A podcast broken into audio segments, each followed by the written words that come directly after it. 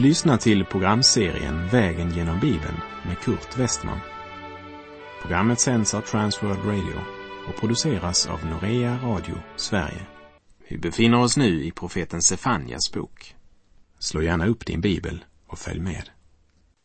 På vår vandring vägen genom Bibeln så har vi nu kommit till profeten Sefanja bok.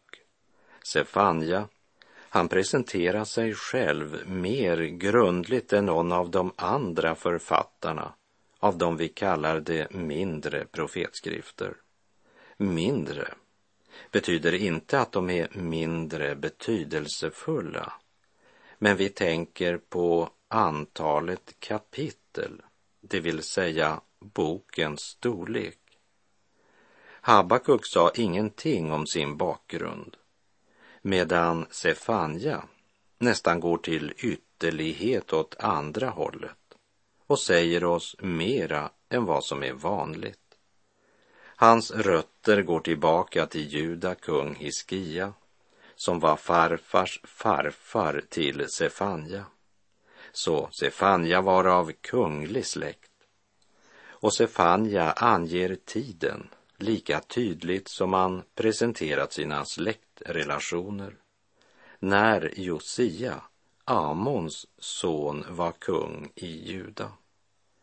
Det var en mörk tid i nationens historia och det sätt på vilket de hebreiska skrifterna är indelade placerar Sefanja som den siste av profeterna innan folket i Juda fördes bort i fångenskap han var verksam vid samma tid som Jeremia och han sägs vara den som gav impulsen till väckelsen under Josia regeringstid.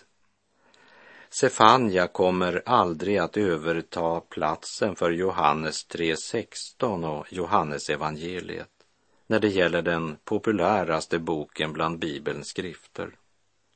Det är få som känner till innehållet i denna profetbok. Och jag tror inte att den är särskilt mycket läst, tyvärr. Jag går så långt att jag säger att det är många som knappt har hört talas om Sefanja. Men bokens grundton och tema har mycket gemensamt med Johannesevangeliet. Johannes blir ju kallad för kärlekens apostel. Och Sefanja, han kan med rätta kallas för kärlekens profet. Vid endast ett ytligt betraktande av boken så kan det verka svårt att tro det. Men låt mig läsa en vers i Sefanja för att visa vad jag menar. Du är väl känd med Johannes 3.16 men är du bekant med Sefanja 3.17? Herren din Gud bor i dig, en hjälte som frälsar. Han gläder sig över dig med lust. Han tiger stilla i sin kärlek. Han fröjdas över dig med jubel. Det är underbara ord, eller hur? Ändå skiljer sig Sefanja bok betydligt från Johannesevangeliet eftersom denna vers endast utgör en liten ö i ett eljest stormfullt hav. Mycket i Sefanjaboken verkar ganska grymt och brutalt och ser närmast ut att hällas ut i raseri över åhörarna. Kapitel 3 börjar med orden Ve den upproriska och orena staden, förtryckets stad. Boken innehåller många domsord. Hur kan jag då säga att det är kärleken som är bokens tema? Att hitta bevis på att Sefanja tema är kärlek det är som att söka en nål i en höstack. Men jag vill visa dig vad jag menar genom att berätta om en mystisk händelse. Det kan ju verka som ett konstigt sätt att inleda studiet av Sefanja bok.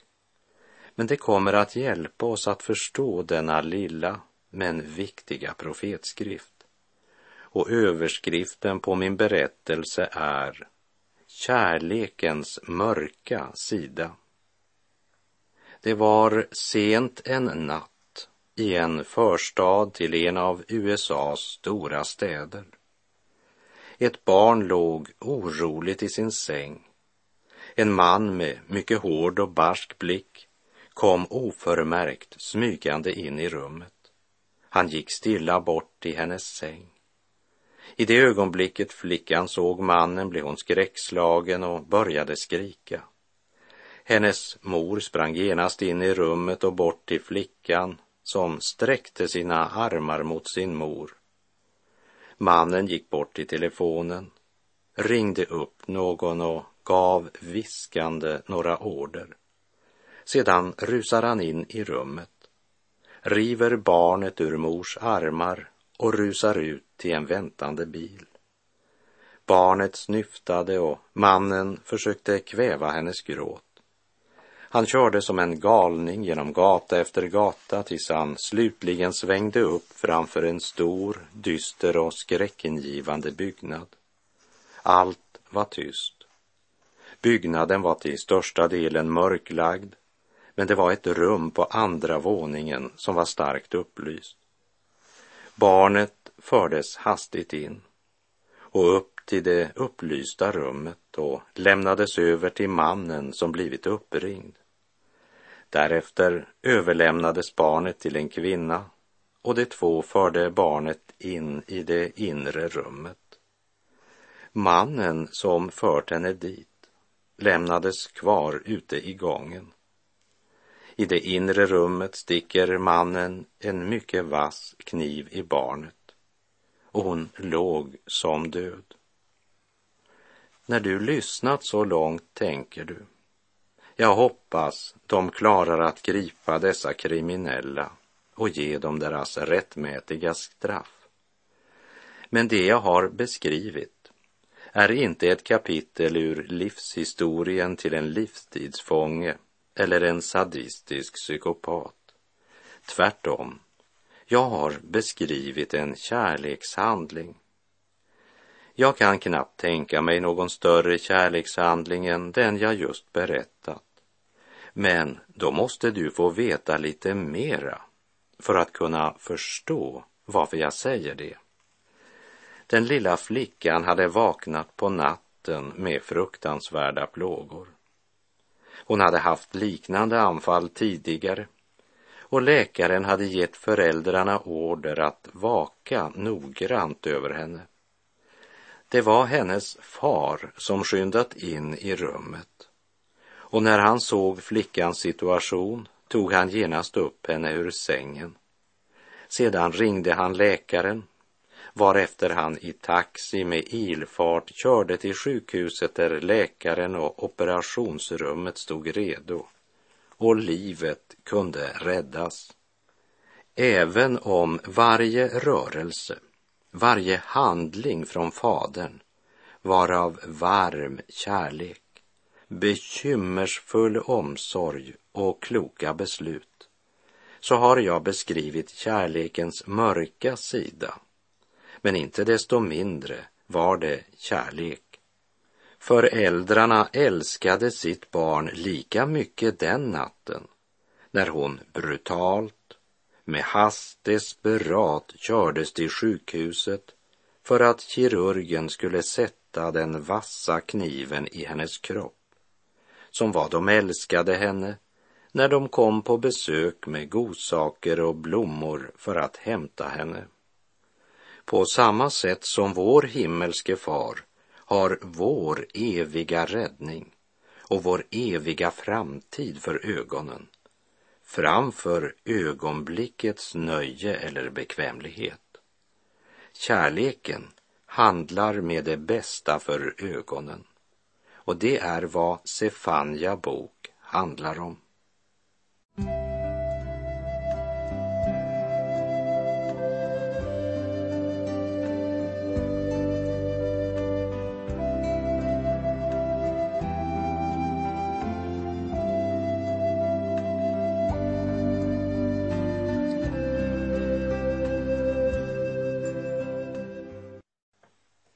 Guds kärlek har en solsida och en skuggsida. Han handlar med oss i sin fullkomliga kärlek och han lägger oss på operationsbordet när det är nödvändigt. När han ser våra överträdelsers tumör och syndens dödliga virus som vill kväva vårt andliga liv, då griper den store läkaren in. Och han tvekar inte med att skära djupt när det är nödvändigt. Men det är viktigt för oss att komma ihåg att han älskar oss lika mycket när han lägger oss på operationsbordet som när han sänder oss chokladask och blommor. Två väldiga strida om människans själ att helt i sin lydnad den taga. Den ene vill hennes eviga väl och kommer med tuktan och aga. Den andre vill se henne fången och snärd. Han villar med smicker, han lockar med flärd och tänker blott på att bedraga. Du är aldrig så älskad som när du ligger på operationsbordet. Ty den Herren älskar tuktar han och han agar var son som han har kär säger Hebreerbrevet 12, vers 6. Och i Johannesevangeliet så talar Jesus om att han rensar grenarna för att de ska bära mer frukt. Jag citerar Johannes 15, vers 1 och 2. Jag är den sanna vinstocken och min fader är vingårdsmannen. Varje gren i mig som inte bär frukt skär han bort och varje gren som bär frukt rensar han för att den ska bära mer frukt.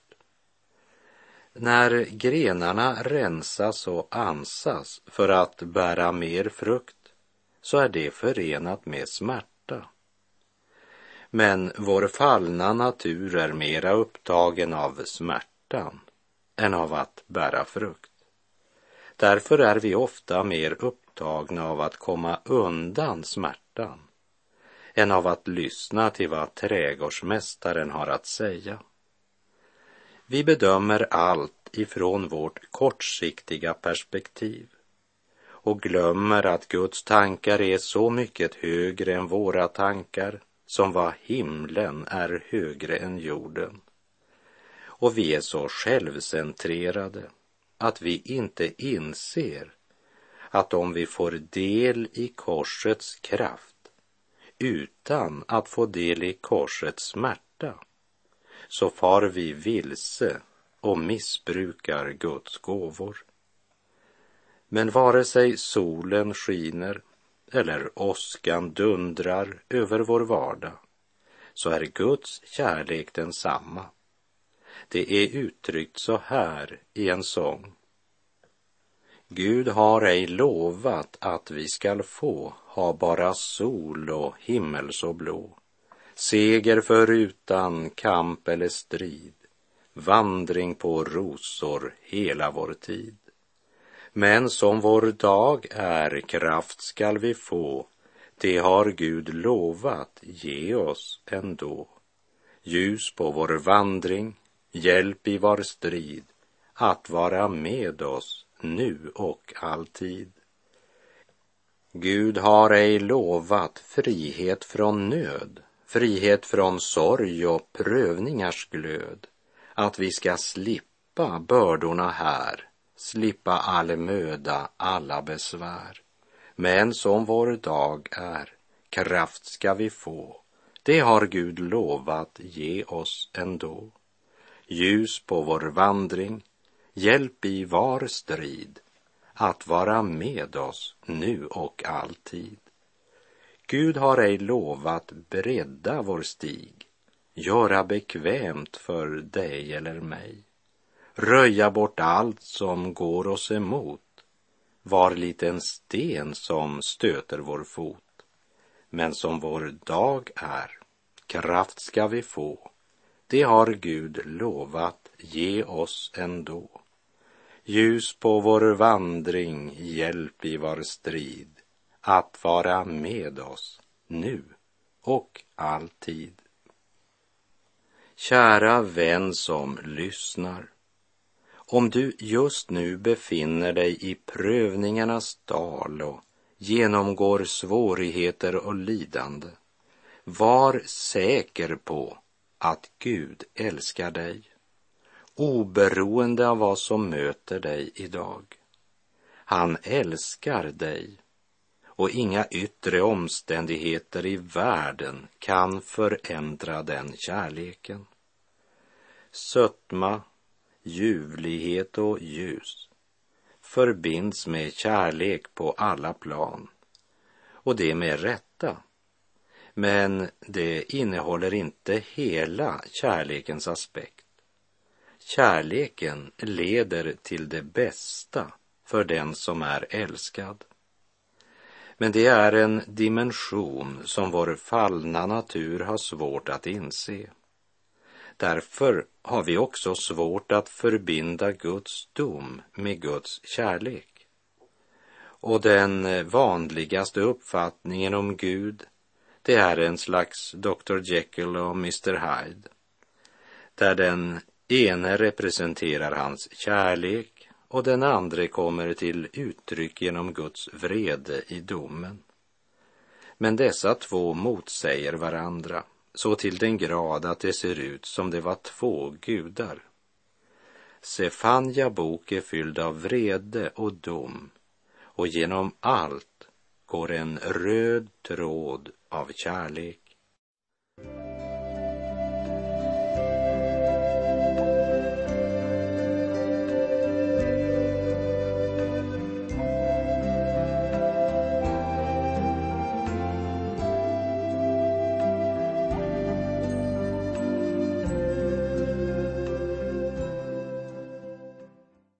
En kollega berättade om något som hände en mors dag. De flesta mödrar var lite extra uppklädda denna förmiddag som präglades av feststämning med strålande ansikten. Men på tredje bänk satt en mycket sorgsen mor. Och det var inte det att hennes son som bodde på andra ändan av landet hade glömt henne. Hon hade fått en fantastisk blomsterbukett från sin son, levererad på söndagsmorgonen från en blomsterbutik. Hon hade också fått ett underbart brev. Men det som tyngde henne, det var att sonen, som var en mycket framgångsrik affärsman, inte ville veta av Gud. Han brydde sig inte alls om mors alla förmaningar och varma vittnesbörd. Efter ett underbart förmiddagsmöte som avslutades med jublande lovsång går kvinnan fram till pastorn när de andra gått hem och hon säger Kära pastor, vill du be för min kära son? Be att Gud vill frälsa honom innan det blir för sent. Och så säger hon jag ger Gud fria händer att göra vad han vill, bara han räddar min son för evigheten. Jag ber att Gud ska frälsa honom, även om det måste ske genom att han läggs på sjukbädd. Och i sin nöd gråter hon ut orden, ja, även om det måste kosta hans liv så ber jag att Gud ska frälsa honom innan det blir för sent. Hon älskade sin kära son så högt att hon var redo att själv mista honom om det bara kunde leda till att han blev bärgad för evigheten. Ja, om han så skulle måsta vandra genom dödsskuggans dal, bara det blev till hans eviga väl. Vi kan säga att den här kvinnans ord, det var den mörka sidan av kärleken som vi blev konfronterade med. Liksom den lilla profeten Sefanja bok presenterar den mörka sidan av Guds kärlek. Gud är kärlekens Gud, den som älskar. Men han är också helig och rättfärdig. Han är domens Gud. Och Sefanja inleder med att tala om Herrens stora vredesdag. Domen omtalas knappast mera hårt och brutalt än i denna bok. Boken återspeglar två tankegångar. För det första, Herrens dag. Det uttrycket återkommer flera gånger i denna lilla bok. Och Badja och Joel och de första profeterna som skrev ner sina budskap var de första som använde detta uttryck. Alla profeterna hänvisar till detta och det gör även Sefanja som är den siste profeten Herren sänder innan folket förs bort i fångenskap. Sefanja budskap fokuserar på den förestående domen. Och för det andra ordet nitälskan som förekommer två gånger. Sefanja 1.18 och Sefanja 3, vers 8. I den engelska King James översättning är det översatt med svartsjuka. Och Bibel 2000 har uttrycket hans lidelses eld. Guds svartsjuka eller nitälskan är inte som din eller min. För den är inte egoistisk, men den är en fullkomlig kärlek. Det är en nitälskan som vet var människan hamnar när hon förkastat den gode herden och låter sig bedras av Satan, synden och världen. Nu ställer jag frågan till dig. Kära vän, var har du din tillflykt? Och vad vill du välja idag?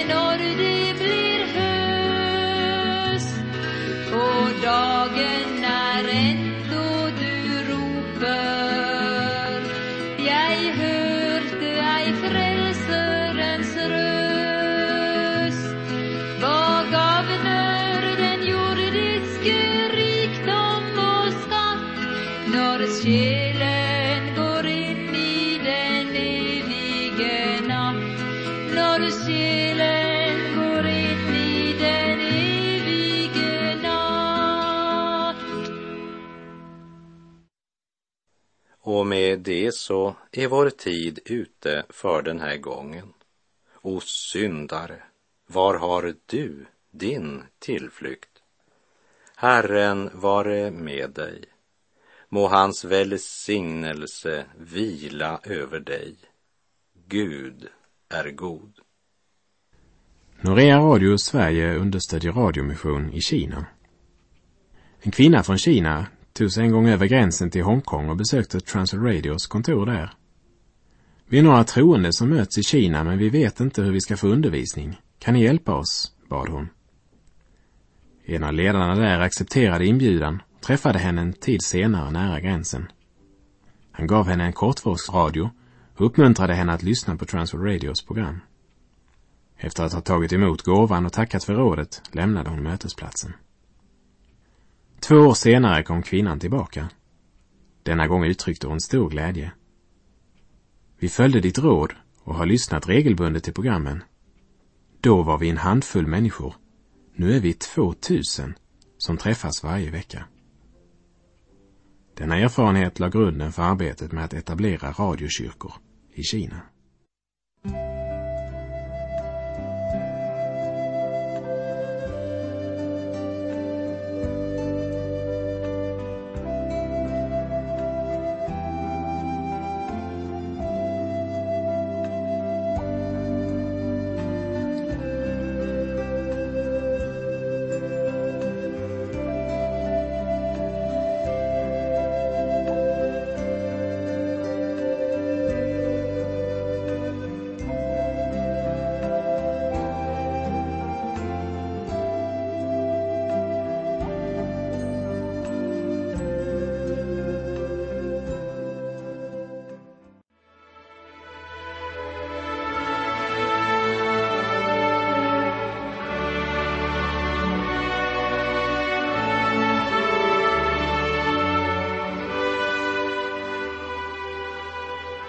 Du har lyssnat till programserien Vägen genom Bibeln med Kurt Westman som sänds av Transworld Radio. Programserien är producerad av Norea Radio Sverige. Om du önskar mer information om vårt radiomissionsarbete så skriv till Norea Radio Sverige, box 3419 103 68 Stockholm. Adressen är alltså Norea Radio Sverige box 3419. Postnumret 10368 Stockholm.